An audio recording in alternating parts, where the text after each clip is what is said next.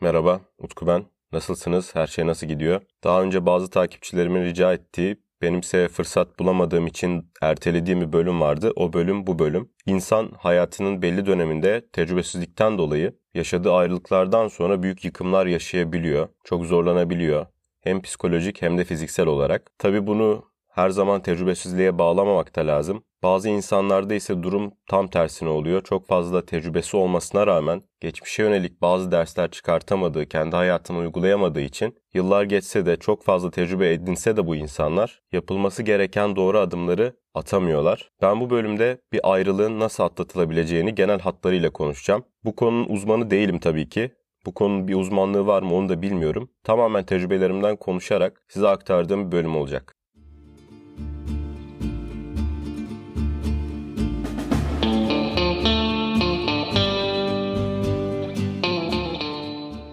Hangi yaşta olursanız olun ayrılık kötü bir tecrübe. İster siz bırakın, ister karşı taraf tırnak içinde sizi terk etsin. Ayrılık deyince insanın aklına hiçbir zaman olumlu şeyler gelmiyor. Gelmemesi de çok normal. Çünkü psikolojik açıdan baktığınızda bir şey kaybetmiş gibi oluyorsunuz. Bu da arkasından bir yaz süreci getiriyor. Bu yaz sürecini kimileri daha kısa sürede ve daha olumlu şekilde, kimileri ise daha uzun sürede ve daha negatif şekilde atlatıyor. Bazıları ise bunu saplantı haline getirip hiçbir zaman atlatamıyorlar. Şimdi bir ayrılıktan sonra neler yapılabileceğini biraz kronolojik olarak konuşalım. Sıfır noktasına inelim. İlişkiniz bitti. Siz bıraktınız, o bıraktı, anlaşarak bitirdiniz. Herhangi bir olasılık. Olayın şokuyla o an çok büyük ihtimalle bir şey hissetmeyeceksiniz. Fakat bazı durumlarda yine olayın şokuyla eğer sizi karşı taraf bıraktıysa, ilişkiyi devam ettirmek istemediyse sizle ısrar etme gibi bir durum yaşanabilir. Bu dakika bir gol bir gibi bir şey aslında yapılan ilk hatalardan birisi. Tabii ki istisnaları var ama bir insan sizi bırakmak istiyorsa, sizinle devam etmek istemiyorsa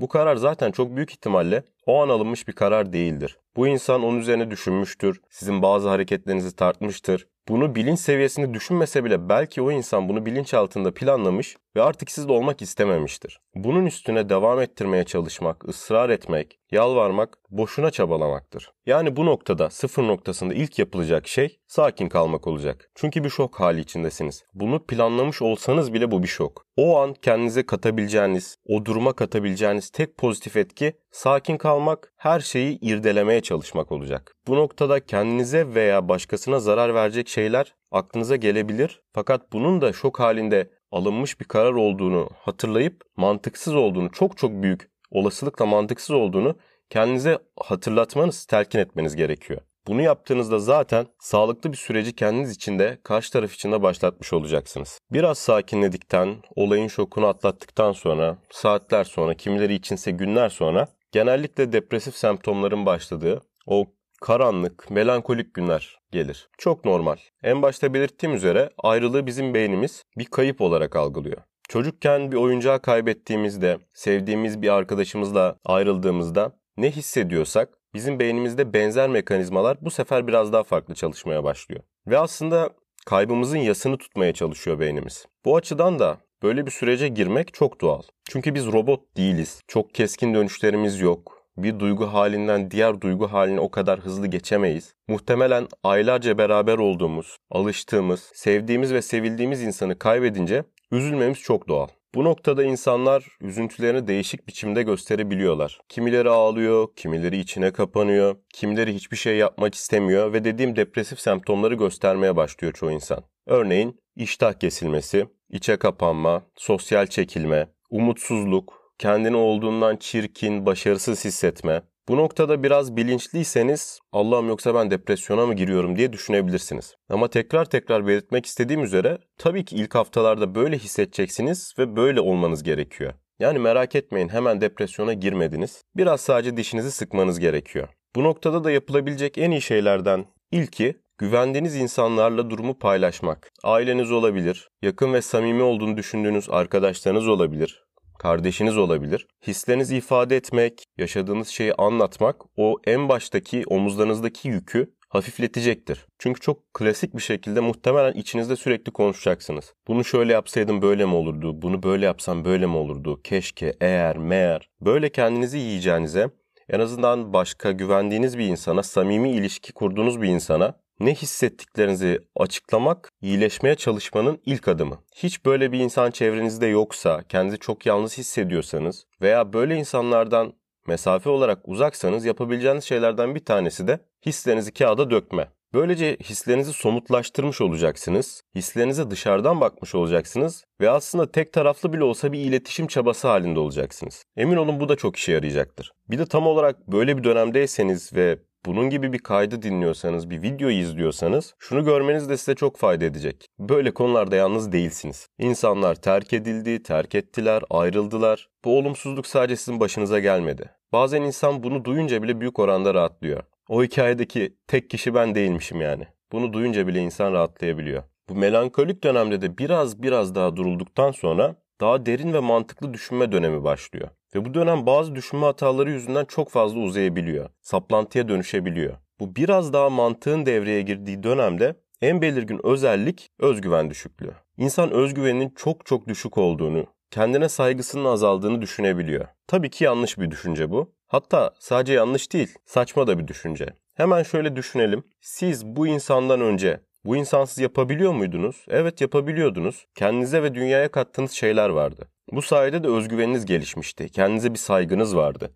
Kendinize bir sevginiz vardı. Hepsinin başında da öz vardı. Öz ne demek? İçkin, içeriden demek. Dışarıdan gelen bir şey değil. E peki bu insan gittikten sonra niye aynısı veya hatta daha iyisi olmasın? Tabi hala olayın sıcaklığı üzerinizde olduğu için bu düşünce hatasını yapabilirsiniz. Zaten beyniniz saplantı yaratmaya uğraştığı için bununla baş etmek zor olacaktır ve özgüveninizin düştüğü, kendinize saygınızın ve sevginizin azaldığı yanılgısına kapılmak aslında aşılabilecek bir şey. Tabi biraz çabayla. Bu çaba neleri içeriyor peki? Öncelikle şunu anlamamız lazım. Hala o olumsuz sürecin içerisindeyiz ve motivasyonumuz ve muhtemelen de öz disiplinimiz çok düşük. Kendimiz için iyi olduğunu bildiğimiz şeyleri bile yapmakta zorlanıyoruz. Ama kendimizi zorlamamız gerekiyor. Çünkü hayattaki iyi şeyler hiçbir zaman sizi kolay kolay kendi başına bulmaz. İlk önce sizin onlar için yol yaratmanız, onlar için çaba harcamanız gerekiyor. Bu aşamada yapılabilecek şeyleri şöyle sıralayabilirim. Bu aşamadan kastımı da hemen parantez içerisinde belirteyim.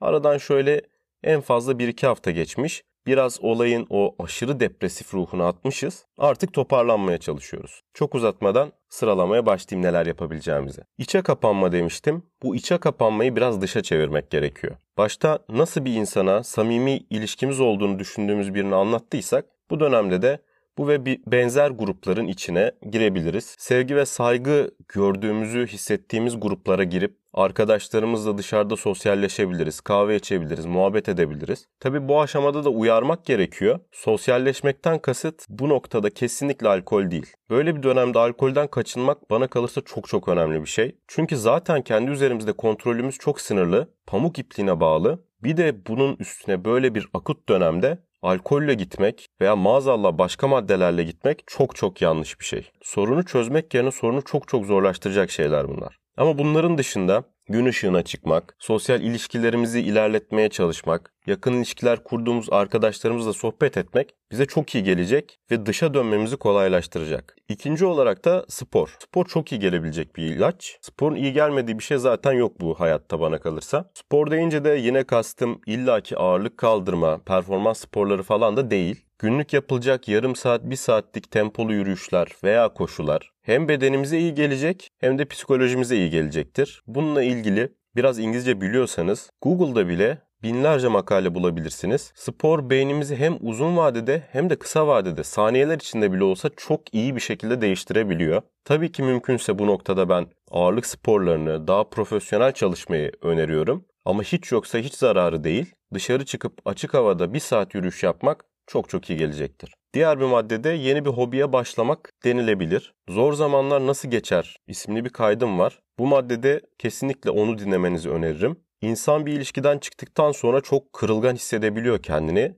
Başka hiçbir insana güvenemiyor ve başka insanların içinde olduğu işlerden biraz uzaklaşabiliyor. Bunu işte bu dezavantajı avantajımıza çevirebileceğimiz bir nokta bu nokta. Neyden bahsediyorum? Yüceleştirme kavramından bahsediyorum. Acılardan, kötü düşüncelerden, negatif düşüncelerden kaçabilmenin en önemli yolu. Kendimizi geliştirebileceğimiz bir hobi bulmak. Sporla ilgili olabilir, sanatla ilgili olabilir. Ama bu hobinin faydalı bir hobi olması çok önemli. bize çok iyi gelecek. Bunda performans gösterdikçe verdiğimiz emeğin karşılığını birebir görünce hem özgüvenimiz hem irademiz hem de kendimize karşı sevgimiz artacak. Bunlar da düştüğünü zannettiğimiz, yanılgısına kapıldığımız şeylerdi değil mi? Bakın ne güzel değişmiş olacak işte böylece. Bir diğer maddede yine bedenimizle ilgili bir şey. Böyle bir dönemde kendimizi ruhsal olarak saldığımız bir dönemde ister istemez bedenimiz de kendisini salıyor. Biz salıyoruz. Öz bakımımız kötüleşiyor.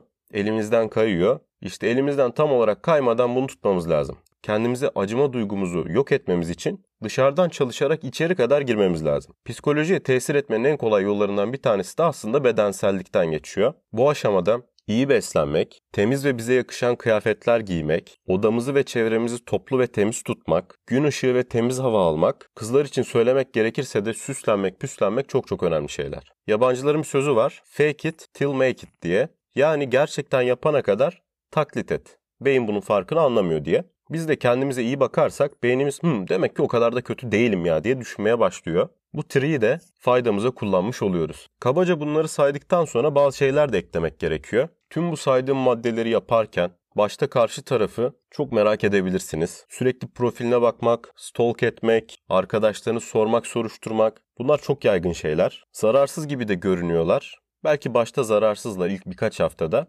ama ondan sonra oldukça zararlı şeyler. Siz kendi bir saplantınızı kırmaya çalışıyorsunuz. Eski bir alışkanlığınızdan kurtulmaya çalışıyorsunuz. Bir insandan, bir bağımlılıktan uzaklaşmaya çalışıyorsunuz aslında. Psikiyatride çalışırken ben oradaki bağımlılara önerilen en önemli şeylerden bir tanesi örneğin alkol bağımlılarına alkol içilen ortamlardan, satılan ortamlardan uzak durmalarıydı. Çünkü bu insanlar sürekli alkol kullandıkları için geçmişlerinde beyinlerinde bir devre bozuluyor. Alkol gördüklerine dayanamıyorlardı. Bu da buna benzer bir yaklaşım. Siz de o insanla aylarınızı geçirmişsiniz, alışmışsınız birçok yönden. Onu her gördüğünüzde, onun resmini, bahsini her duyup gördüğünüzde o eski devreleri aktive ediyorsunuz. Sizin tam tersine bu devreleri kırmanız gerekiyor. Hem bu insanı sürekli düşünmek, sürekli görmek acıyı uzatacaktır. Boşuna yaşadığınız ızdırabı uzatmaktan başka bir işe yaramayacaktır. Ayrıca bu insandan ne bekliyorsunuz ki artık? Mahvolduğunu görmek mi istiyorsunuz? Bu sizi çok iyi hissettirecek mi? Muhtemelen çok kısa bir süreliğine evet ama ondan sonra hiçbir işinize yaramayacak. Ki zaten bunu göstermeyecektir bile. Çünkü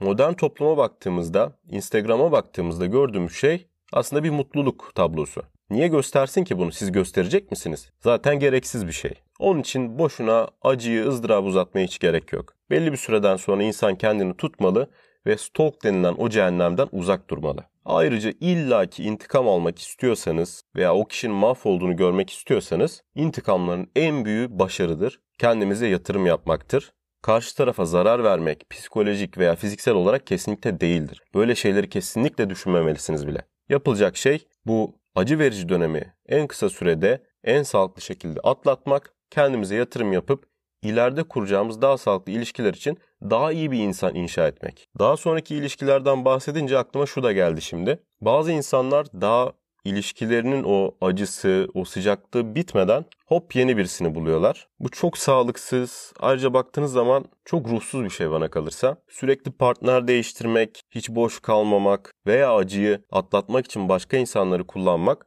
iki taraflı olarak da bence etik değil. Hem karşıdaki insana zarar veriyorsunuz hem böylece kendinize zarar veriyorsunuz. Çünkü bizim beynimizde evrimsel bazı kimyasal kodlar var. Karşıdaki insana bağlanmamızı, ona karşı ilgi ve sevgi duymamızı sağlayan bu devreleri çok fazla ve çok sık partner değiştirerek bozmanın hiçbir manası yok. Buna yine yabancılar rebound love diyorlar sanırım. Yani gerçekten gereksiz, çok da irdelemeye gerek yok. Böyle şeylerden de uzak durmak gerek bence. Tüm bunları yaptınız, acınızı da çektiniz, bahsettiğim dönemleri de atlattınız. Bu noktadan sonra aslında en en önemli şeyi yapmak gerekiyor. Tecrübelerden ders çıkarmak, bunları unutmamak gerekiyor. Çünkü bazı insanlar söylediğim şeyleri yaşasa da, iyi bir şekilde atlatsa da tekrar tekrar bunları unutup tecrübelerinden çıkardıkları dersleri bir kenara koyup hayatlarını kendi kendilerine zindan ediyorlar aslında. Aynı engellere sürekli sürekli takılmanın hiçbir manası, hiçbir güzelliği yok. Ben bir insanı olgunlaştıran en önemli şeyin tecrübe olduğunu ve te- bu tecrübelerden çıkarılan dersler olduğunu düşünüyorum. Bu tabii ki şahsi görüşüm.